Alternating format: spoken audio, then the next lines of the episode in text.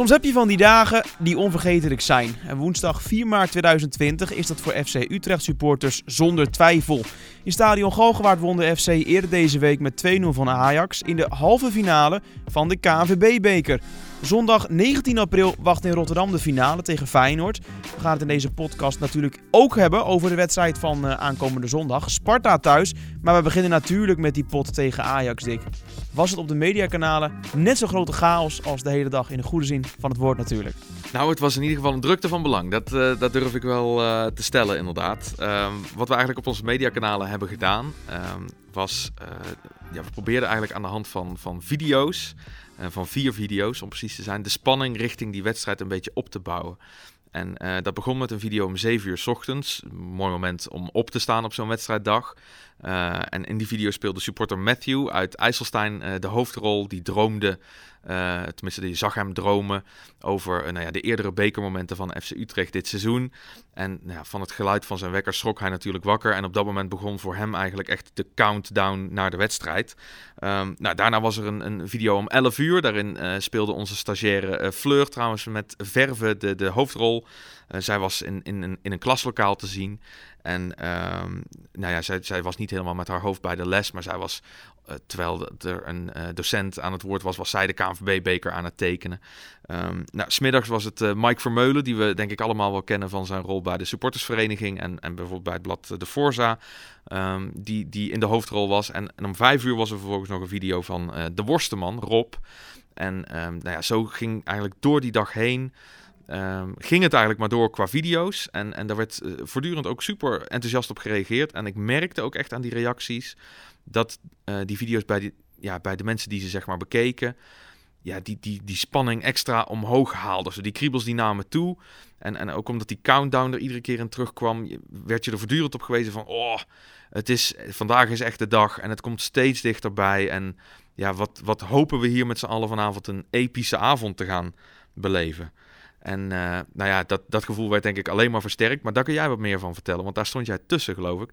Maar uh, nou ja, toen, toen die spelersbus van FC Utrecht uh, over de weg tot de wetenschap was het volgens mij. Daar stond, daar stond een erehaag, daar was vuurwerk, daar was, daar was alles aanwezig, toch? Ja, ik had het idee dat die mensen bij wijze van bij de ingang van hogeschool stonden. Hogeschool Utrecht tot aan stadion Galgenwaard. Nee, het was, het was echt bijzonder gewoon.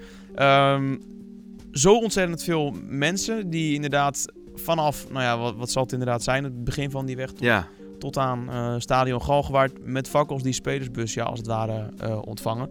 Vond ik super indrukwekkend uh, om te zien. Um, en dan vraag je je toch altijd af, ja, wat doet het nou met die selectie? En, en hoe klinkt dat dan in een spelersbus? Gaan spelers daarover praten? Zijn ze muis en muis stil en laten ze het op zich afkomen? En dat was wel mooi, want na de wedstrijd hebben we dat natuurlijk ook uh, gevraagd aan onder andere Joris van Overheem en uh, John van den Brom. En die zeiden het volgende, uh, volgende tegen elkaar op het moment dat zij dat als het ware ervaren vanuit de spelersbus. Al dat vuurwerk. Maar ja, vanaf anderhalf uur voor de wedstrijd onthaald worden door de fans met een eraag, ja, dan gaat het kriebelen. En eigenlijk vanaf dat moment kon het niet meer misgaan. Dus... Je hebt het gezegd tegen je trainer, begreep ik? Ja, ja. Heeft hij dat verklapt? Eigenlijk voel je dan al van, dit kan niet misgaan vanavond. Joris zei dat al tegen mij, trainer, dit gaat echt niet mis. Maar ja, het moet nog wel gebeuren. En ja, uiteindelijk uh, is dit dan de mooie apotheose van, uh, van een hele mooie dag. Ja. Nou ja, inderdaad. Ja, we zeiden het achter in de bus al. Dat, uh, dat het niet meer mis kon gaan. En dat we de, ja, maak zoiets los, dat, dat was niet normaal. En die lijn trokken we door in de wedstrijd en uh, ja, goed uitgepakt. Ja, mooi om te horen dat John van der Brom en Joris van Overheem er eigenlijk al zeker van waren. Die halve finale, die gaan wij gewoon winnen. Nou, uiteindelijk gebeurde dat natuurlijk ook, Dick. Dat, uh, dat kunnen we nu allemaal. Ja, hè? Kunnen lekker geen geheim meer. Nee. Geen geheim meer, nergens geen primeur meer, niks. Um, maar het begon natuurlijk uiteindelijk na die, die, die, uh, dat, dat ontvangst als het ware door de supporters, uh, hè, voor de spelers. Um, ontstond hier natuurlijk ook een sfeertje in het stadion zelf. Um, ik stond toen wat meer, ja, was een beetje aan het, rennen en het vliegen rondom het stadion. Jij zat uh, best vroeg in het stadion en hebt het helemaal vol zien stromen. Wat voor sfeertje uh, was er toen jij ging zitten op die perstribune? En hoe zag je dat als het ware opbloeien? Vertel het eens. Nou, ik was er deze keer sowieso relatief vroeg bij voor mijn doen. Ik, ik heb meestal voor zo'n wedstrijd uh, nou ja, wat werk op kantoor wat ik, uh, wat ik dan uh, moet doen. en meestal zo'n minuut of 20 tot 15 voor de aftrap, dan is dat klaar. En dan kan ik naar buiten toe en dan kan ik daar zeg maar de draad weer oppakken. Maar nu had ik nou ja, toch wel bewust eigenlijk eventjes dat kantoorwerk naast me neergelegd. Ik dacht, ik moet nu naar buiten toe. Ik, ik zat ook de hele dag eh, net als alle supporters en de spelers, denk ik, uh, ja, te countdownen. En ik dacht, ja, ik hou het niet meer. Ik moet die tribune op. Ik wil gaan kijken ja, hoe de atmosfeer is. Ik wil het meemaken. En uh, nou, dat was, ik denk dat ik er 40 minuten voor, voor aftrap dat ik buiten aan mijn plekje had opgezocht. En ja, toen proefde je eigenlijk ook al aan alles van oké, ja, dit is inderdaad niet zomaar een, een avondje. Dit is, dit is iets heel bijzonders. En uh, nou ja, dat stadion zat natuurlijk uh, bomvol, hè, was, was uitverkocht. En uh, er waren eigenlijk op alle, in alle hoeken van het stadion waren bij opkomst van de spelers, nou ja, gebeurde er iets. Uh, op de Zuidtribune uh, lagen duizenden foamsticks. Dat, dat zijn van die, van die soort van staven, maar dan van, van een zacht materiaal natuurlijk. Met daarin uh, ledlichtjes, respectievelijk rode en witte. Om tot een mooie diagonaal te komen.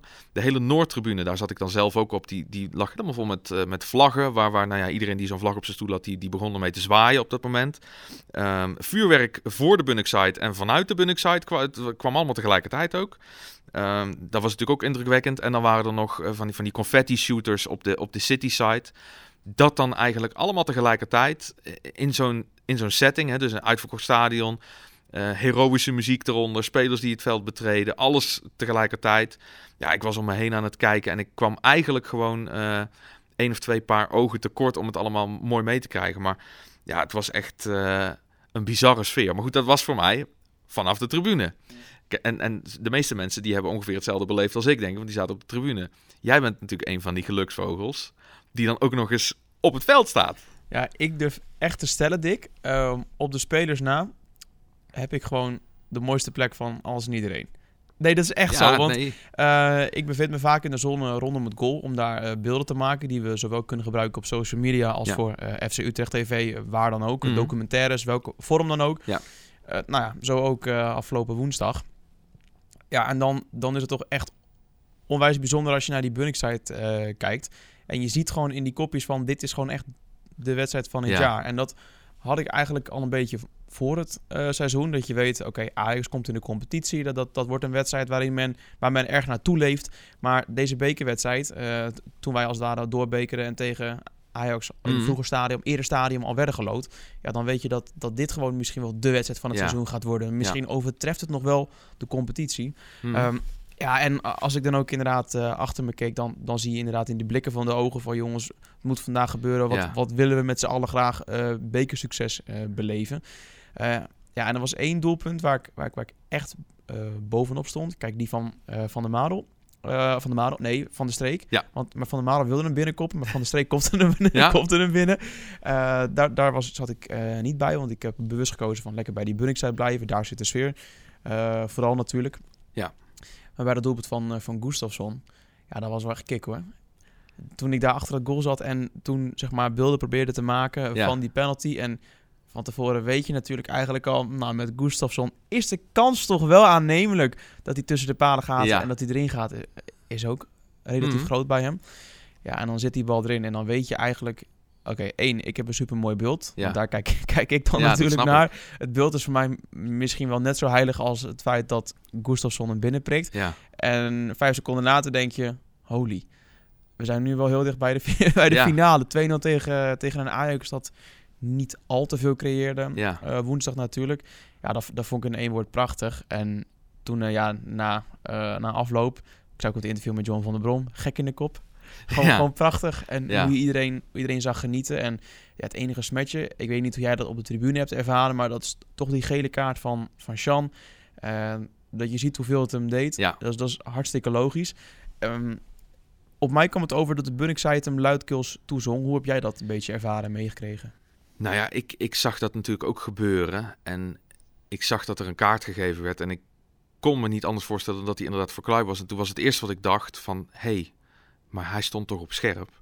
En uh, ik heb zo'n monitortje naast me van Fox Sports. Tenminste, daar zijn de beelden van Fox Sports op te zien. Dus stel dat ik iets dan wat op het veld gebeurt niet direct goed kan zien, dan heb ik met een vertraging van 20, 25 seconden of zo, kan ik het op die monitor nog even terugkijken. Dus ik wilde het even 100% zeker weten om te zien van, oké, is die kaart inderdaad ja, voor Sean en niet voor bijvoorbeeld een protesterende ajax of wat dan ook. Uh, nou ja, toen zag ik dat die kaart dus inderdaad uh, voor Sean Kleiber was. En uh, nou ja, dat, toen ging natuurlijk door mij hetzelfde heen als wat door zijn hoofd heen ging natuurlijk. En bij hem dan denk ik met veel meer gevoel dan bij mij. Maar van ja, chips, daar gaat zijn bekerfinale. En dat is natuurlijk ongelooflijk zuur. Nou ja, aan de andere kant, wat, wat Mark ook tegen jou zei eigenlijk van... Er komt misschien een moment waarop hij een beetje kan uitzoomen. Dat vond ik eigenlijk wel een mooi begrip. En dan gaat hij er misschien trots op zijn dat hij zijn steentje er heeft kunnen bijdragen... dat de ploeg zover is gekomen in het toernooi. Maar op dat moment zag hij volgens mij vooral voor zichzelf die, die finale in rook opgaan. Ja, ja uh, het feit is wel dat uh, we inmiddels nu uh, die dag alweer zijn gepasseerd en weer over moeten tot de orde van de dag. Ehm, dat er natuurlijk behoorlijk veel media-aandacht ontstaat voor FC Utrecht. Want hè, wij zijn, waren op dat moment de eerste finalist. Dat is natuurlijk nu ook Feyenoord geworden. Wat is er zo al op de club afgekomen, wat jij een beetje hebt meegekregen op kantoor, na het behalen van die finale? Nou, dan ontstaat er hier, uh, weet ik inmiddels uit, wist ik al uit ervaring en weet ik nu uh, nog beter uit ervaring, maar dan ontstaat er direct zoiets in een stad, een bepaald gevoel. En in dit geval was bijvoorbeeld gisteren in de fanshop dat weer uh, heel mooi te zien. En gisteren, daar bedoel ik dan trouwens voor de goede orde, donderdag mee.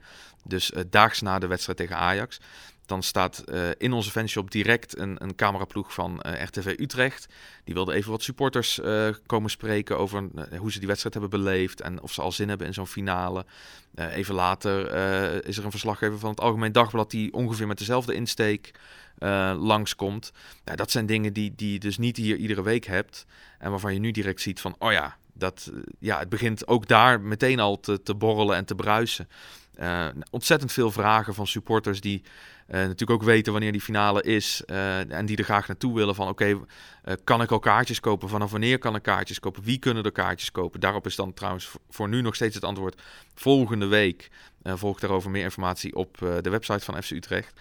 Um, maar ja, dan merk je direct van oh ja, dit is bij zoveel mensen leeft dat. En um, nou ja, dat, dat, is, dat is dat unieke van zo'n bekerfinale. En dat is denk ik een, een traject dat de komende weken, als je het over countdowns hebt en zo, dat gevoel is nu natuurlijk heftig. En dat zal dadelijk misschien weer een beetje weg ebben. Als, als we weer, nou ja, eigenlijk midden in de eredivisie zitten. Maar dan komt er natuurlijk een moment dat die bekerfinale echt weer heel erg in zicht komt. En dan, dan gaat het gevoel alleen maar sterker worden. En, en dan gaan, dan gaan de, de tweets, de, de Insta-posts, dan gaat alles toenemen. En, en ja, dan, dan zijn wij op die dag, um, die, die zondag 19 april, ja, dan is denk ik het grootste sportevenement van Nederland is de Toto KNVB bekerfinale tussen FC Utrecht en Feyenoord. En dat gaat gepaard met een ongelofelijke aandacht. En daar zullen wij om ons heen van alles uh, van gaan merken. En ja, dat is hartstikke leuk. Ja, dat is inderdaad uh, zondag 1 april. Uh, die eerste zondag van maart op bezoek bij RKC Waalwijk was het dus bijzonder broos, bijzonder matig van FC Utrecht zijde. Het verloor bij RKC Waalwijk. Tegen Ajax was het weer prima. Ja, het is inmiddels bekend dat er een gesprek heeft plaatsgevonden uh, tussen supporters uh, en uh, het voetbalhart van de club. En daar zei John van der Brom het volgende over na de wedstrijd tegen Ajax. Alles wat, je, wat je wilde na afgelopen zondag, dat, dat is uiteindelijk uitgekomen. En natuurlijk hebben we maandag dat gesprek gehad met die supporters, dat was, dat was leuk. We hebben het heel veel over deze wedstrijd gehad. Als je ziet wat, ja, wat die jongens voor ons vandaag betekend hebben. De weg hier naartoe, uh, dus, dus maandag de weg hier naartoe, tijdens de wedstrijd, vooral ook na de wedstrijd. Ja, dat is wat voetbal mooi maakt. En het doel was om uh, de, de, bekende finale te halen en daar zijn we met glans in geslaagd. Met een team wat uh, ja, van het begin tot het eind stond, alles gegeven heeft om, om dat doel te bereiken. En ja, dan ben je als trainer trots. Ja, een gesprek tussen het voetbalhart van de club en uh, supporters, Dick. Uh, dat uh, klinkt best wel mooi. mooi in de zin van dat dat zomaar kan en dat, dat beide partijen daar voor openstaan. Partijen, het is natuurlijk één gemeenschappelijk iets. Wij zijn FC Utrecht, ja. maar toch kun je daar iets meer over, over duiden. Wat, is, wat heeft nou zo al plaatsgevonden? Nou ja, wat in ieder geval dus aan de hand was, maar dat zei net ook al, die uitwedstrijd tegen RKC Waalwijk, die, die daar, daar spatte het even niet vanaf. En, en dan druk ik me nog uh, ja, zachtjes uit. Uh, nou ja, onze supporters weten als geen ander uh, hoe mooi het is om met de club een bekerfinale mee te maken. En ik denk dat die misschien ook wel goed hebben aangevoeld van oké, dit is een moment waarop wij nu even moeten vertellen wat we graag willen zien. en wat we zeker ook in die halve finale van, van die beker willen zien. hoeveel vertrouwen we ook hebben in het team, want dat is dan ook wel mooi. Uh, iedereen ziet volgens mij de potentie van deze ploeg. En op een avond als uh, afgelopen woensdag, dan komt dat er ook maximaal uit. En, en dan is het ook wel leuk dat je, dat je ook spelers hoort zeggen, maar ook supporters van... Ja, dan ontstaat dus echt die wisselwerking die daadwerkelijk ervoor zorgt. En dan is het geen cliché meer, maar dan is het geloof ik echt zo. Dat een twaalfde man ook daadwerkelijk als de twaalfde man kan fungeren. En als hier alles op één lijn zit en iedereen staat er zo maximaal in eigenlijk, ja, dan, dan kan dat dus gebeuren. En dat gebeurde tegen Ajax. En het resultaat is bekend, dus dat is super. Ja, van Utrecht Ajax naar Utrecht tegen Sparta. Zo ben je kerstvers bekerfinalist. En zo wacht gewoon weer de eredivisie. Het gaat een weerzien worden met Patrick Joosten. Dus voor Utrechts paspoort dik zou dat wel heel simpel en flauw zijn om eh, die speler eh, te gebruiken. Um, wie heb je gevonden? Nou, ik heb inderdaad iemand anders gevonden. En uh, wat ik daar graag over zou willen zeggen is dat het een voetballer betreft die zijn carrière is begonnen bij Sparta. Maar dan niet Sparta Rotterdam, maar Sparta Buggenhout. Er zijn dagen dat je Sparta Buggenhout niet voorbij hoort komen uh, in Nederland, maar vandaag is niet zo'n dag. Sparta Buggenhout. Anderlecht, zijn volgende club. En uh, vervolgens PSV, Sparta Rotterdam, Lommel SK, Daarna een hele rits wedstrijden, mogen we wel zeggen. FC Utrecht. Vervolgens nog bij Den Cerkel, Cerkelenbrugge. En FC Sint-Niklaas. Dit rijtje clubs hoort bij een bepaalde voetballer. Die heeft dus, zoals ik al heb gezegd, voor zowel Utrecht en Sparta gespeeld. Ik ben natuurlijk benieuwd of jij aan de andere kant van deze lijn nu weet om wie het gaat. Ja, en later in de podcast dan ga jij helemaal verklappen en in geuren en kleuren Absoluut. om welke speler het gaat. Hè? Plus een anekdote. Oh, die ook, nog? Ja. Mooi joh. Nee, het is uh, een feit dat uh, het best wel een kort dag is hoe jij uh, je hebt kunnen voorbereiden op de wedstrijd van Sparta, Dick. Bijvoorbeeld voor de FC Today, het programmaboekje. Wat voor verhalen heb je toch nog uit het, het, genie, uit het brein van Teunen weten te toveren? Nou, er is toch weer iets uitgekomen gelukkig. Nee, het is een mooi boekje geworden. de FC Today voor die wedstrijd FC Utrecht tegen Sparta Rotterdam inderdaad. En ehm, nou, de coverstar is eigenlijk de man die we misschien in alle uh, beker-euforie nu een klein beetje aan het vergeten zijn. Maar uh, we mogen absoluut niet vergeten dat hij degene is die ervoor zorgde dat uh, iedereen hier nou ja, stond te feesten toen FC Utrecht tegen FC Twente speelde. Um, het beste werd voor het laatst bewaard en het beste was in dit geval Jonas Arweiler. Die kwam erin bij een 0-1 stand, een kwartier voor tijd.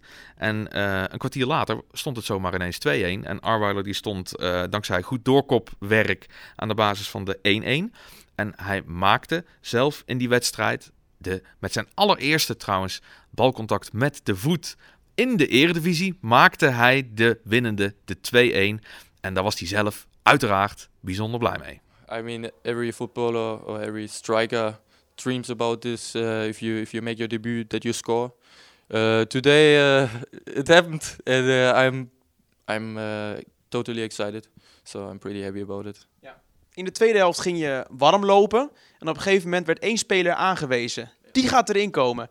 Hoe zeker wist jij, dit is mijn moment? I wasn't sure. I thought uh, it's uh, someone else. I thought it's uh, Isa. Um, uh, then they told me, no, no, it's you, it's you. Then I was looking to the coach again, and he said, yeah, Jonas, you have to come. And I was running back to the bench. I was excited to come in. En ja, today it went good. Nou, dat was dus een euforische Jonas Arweiler. Je leest er meer over in de FC Today van komende zondag. En daar lees je bijvoorbeeld ook uh, stukjes in over Harald Wapenaar, David Nascimento, Kevin Strootman. Uh, maar natuurlijk ook het programma, de stand en nog veel meer. Dus ik zou zeggen, hij wordt uh, overal eigenlijk in en rondom het stadion gratis verspreid. Neem hem er even mee en neem hem lekker door.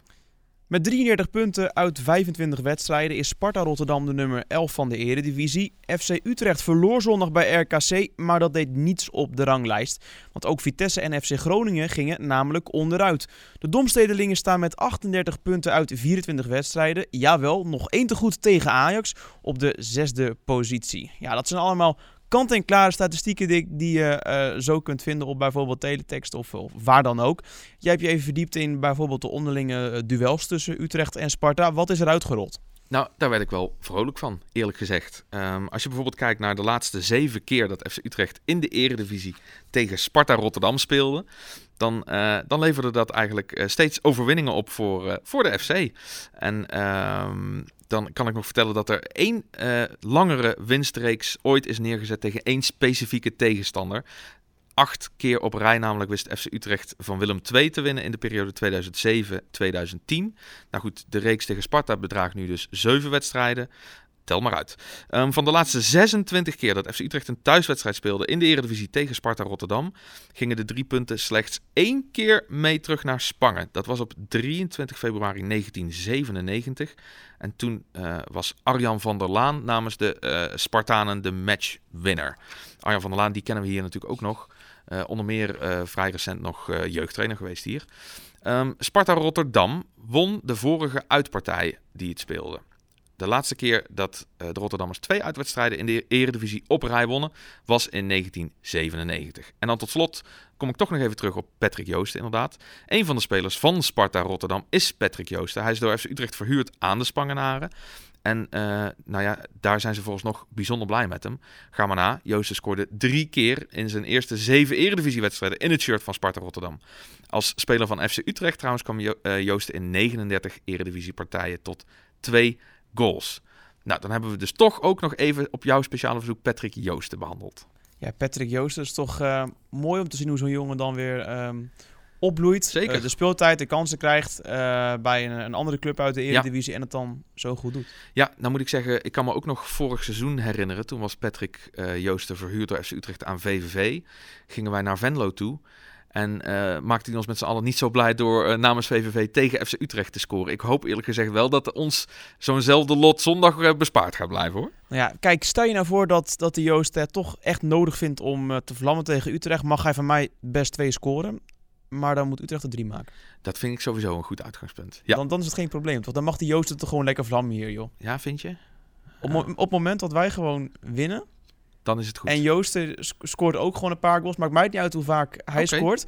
Als Utrecht er maar meer maakt. Als, als nee, oké. Okay. Kan ik er meegaan? Kan ik ja, er meegaan? Kan je ja, meegaan? Kan ik er meegaan? Nou, mooi om te horen. Ben je ja. blij mee, Dick? Gelukkig. Ja, fijn. Zitten we toch wel lekker op één lijn, hè, Corné? Mooi. Nou.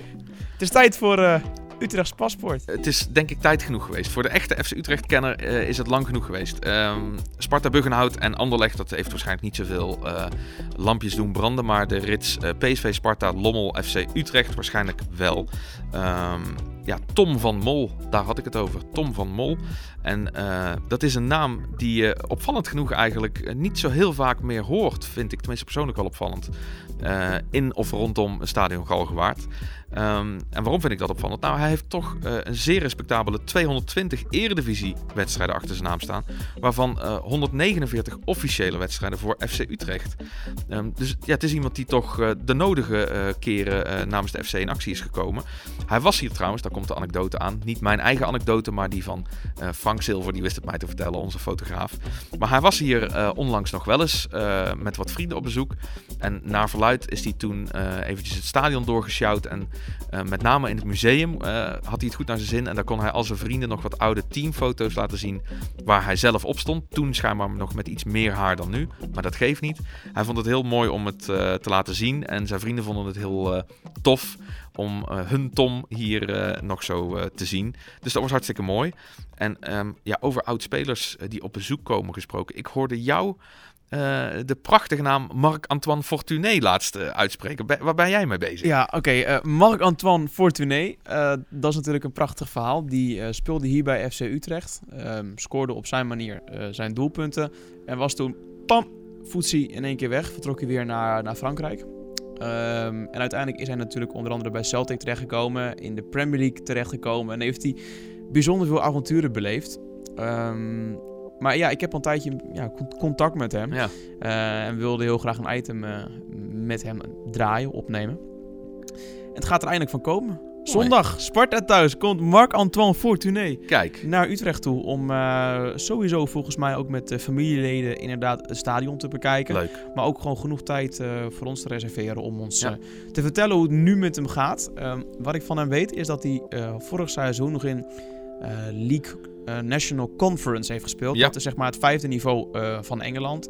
Ja, dat kun je een beetje vergelijken met de tweede divisie hier in Nederland. Stadions eh, van, ik denk, rechterrijtje keukenkampioen divisie. Ja. Dus dat is hartstikke mooi. Eh, maar het belangrijkste is natuurlijk, eh, hoe gaat het nu met hem? En hoe kan hij nu hè, lekker vrij spreken over hoe zijn tijd bij FC Utrecht was. Dus ik hoop dat we daar zondag allemaal achter gaan komen. En Mooi. ja, het, is toch leuk voor zo iemand, want die komt allemaal oude bekenden tegen. Ik, ik, ik zat even te kijken naar de spelers waar hij mee heeft gespeeld en die nog steeds actief zijn Ja. bij de club. Sander Keller. Bijvoorbeeld, kijk Hè, eens de aan. man, de man Ja. die zijn, eh, zijn rol heeft in de, de jeugdacademie van eh, FC Utrecht. Leuk. Wat te denken van Joost Broersen. Heeft hij ook mee samengespeeld. Kijk, Dus eh, ja, dat, dat gaat leuk worden. En over die twee gesproken trouwens, die gaan we ook spreken. oké. Dus die, die gaan wat vertellen over... Die gaan ook spreken over hoe zij de rol van Fortuné hebben ervaren. En daar komt dan een special over. Ja, in FC Utrecht TV. eh, via online clubkanalen wordt dat denk ik eh, verspreid. Eh, ja, en wanneer die verspreid wordt, dat is weer aan jou. Hè? Ja, nee, daar gaan we ons dan weer over buigen natuurlijk. Maar één ding is zeker, eh Corné meets Fortuné. eh, te zien binnenkort op eh, onder meer youtube.com slash FC Utrecht. Ja, het is denk ik eh, tijd voor de mededelingen, Dick. In de eh Beker-podcast had je het sowieso al over de, de behoorlijke drukte. eh, waar mensen rekening mee moesten houden. Dat hebben we allemaal ervaren van eh, de, de fakkels van, nou ja, ik denk een, een 2000 supporters hè, na het stadion. eh, tot activiteiten op de foto met de beker kon je, weet ik het allemaal. Bijvoorbeeld, ja. Wat gaat er nu gebeuren eh, rondom het stadion? Nou, ik moet zeggen, om daar maar meteen mee te beginnen, het wordt best wel weer druk eigenlijk. Ja, eh, de kaartverkoop voor de thuiswedstrijd tegen Sparta loopt eigenlijk hartstikke goed. Ehm, natuurlijk een, een vroege wedstrijd. Hè. We spelen weer op zondag om kwart over twaalf. Ehm, als je lekker op tijd naar het stadion komt, is de eh, eerste stop eigenlijk, eh, mijn tip in ieder geval, het Fanplein. Dat is het plein voor de Cityside. En official partner Broekies Verhuur zet daar weer vier leuke attracties neer. En natuurlijk staat de supportersdebuut tent er ook weer. Dus daar kun je dan naartoe als je eh, voor het eerst, als zeg maar Sparta thuis, jouw eerste wedstrijd wordt die je ooit in een stadion bezoekt. Ehm, nou, en er is ook weer trouwens, en dat geldt voor alle wedstrijden dit seizoen nog, ehm, een gratis en bewaakte fietsenstalling. Dus als je eh, lekker met de fiets wil komen, dan kan dat. Die kun je vanaf twee uur voor de wedstrijd tot twee uur na het laatste fluitsignaal daar gratis eh, stallen. En dat is dus allemaal bewaakt. Dus daar kun je je fietsje met een goed gevoel achterlaten. Ehm, nou, dat je de FC Today absoluut even mee moet nemen, dat hebben we natuurlijk al benoemd. Ehm, verder vind ik het eh, goed om even te zeggen dat er een nieuwe datum is geprikt voor de Eredivisie inhaalwedstrijd FC Utrecht Ajax. Die ging onlangs natuurlijk niet door vanwege eh, nou ja, de slechte weersomstandigheden toen. En die gaat ingehaald worden en wel op donderdag 9 april. Aftrap kwart over zeven in Stadion Galgenwaard. Ehm, en als je eh, over voetbal gesproken, er is, er is gewoon eh, maandag ook alweer voetbal hier in Utrecht. Jong FC Utrecht speelt dan tegen NEC. Een eh, kraker, mag ik wel zeggen, op, op Zoudenbalg. En ehm, nou ja, aan het einde van die week, blijven we blijven in de Gelderse sferen wat dat betreft, dan komt Vitesse op bezoek in Stadion Galgenwaard. Kaartverkoop daarvoor natuurlijk ook alweer in volle gang. Ehm, nou, en als je dan eh, nog eventjes eh, iets wil doen waar wij blij van worden, laat eens een review achter op deze podcast. Op de podcastplatform waar je, waar je dit op dit moment luistert. En abonneer je vooral ook even. eh, dan krijg je voortaan een mooie melding als er een nieuwe episode online staat. Veel thuiswedstrijden eigenlijk, als je het, Nou. als je het zo, eh, zo bekijkt. Ja, nee, we hoeven ons niet te vervelen. Nee, hoeven ons inderdaad niet te vervelen. En jij weet ook, als er een thuiswedstrijd is van FC Utrecht, dan is het dus ook tijd voor een FC Utrecht Matchday podcast. Leuk dat je hebt geluisterd. En Dick, ik denk dat jij geen mededeling of iets meer hebt. Dat Helemaal klaar. ik Wel helemaal klaar. En met die mededelingen zijn we dus ook aan het einde gekomen van deze podcast. We hebben heerlijk kunnen nagenieten van het duel Utrecht-Ajax. En we hebben ook zeker voorbeschouwd op Utrecht-Sparta. Zondag kwart over twaalf, aftrap in Stadion Galgenwaard. Bedankt voor het luisteren. Tot de volgende. Dat is over praktisch een week. Ja, het gaat inderdaad heel snel. Dan hebben we het over Vitesse thuis.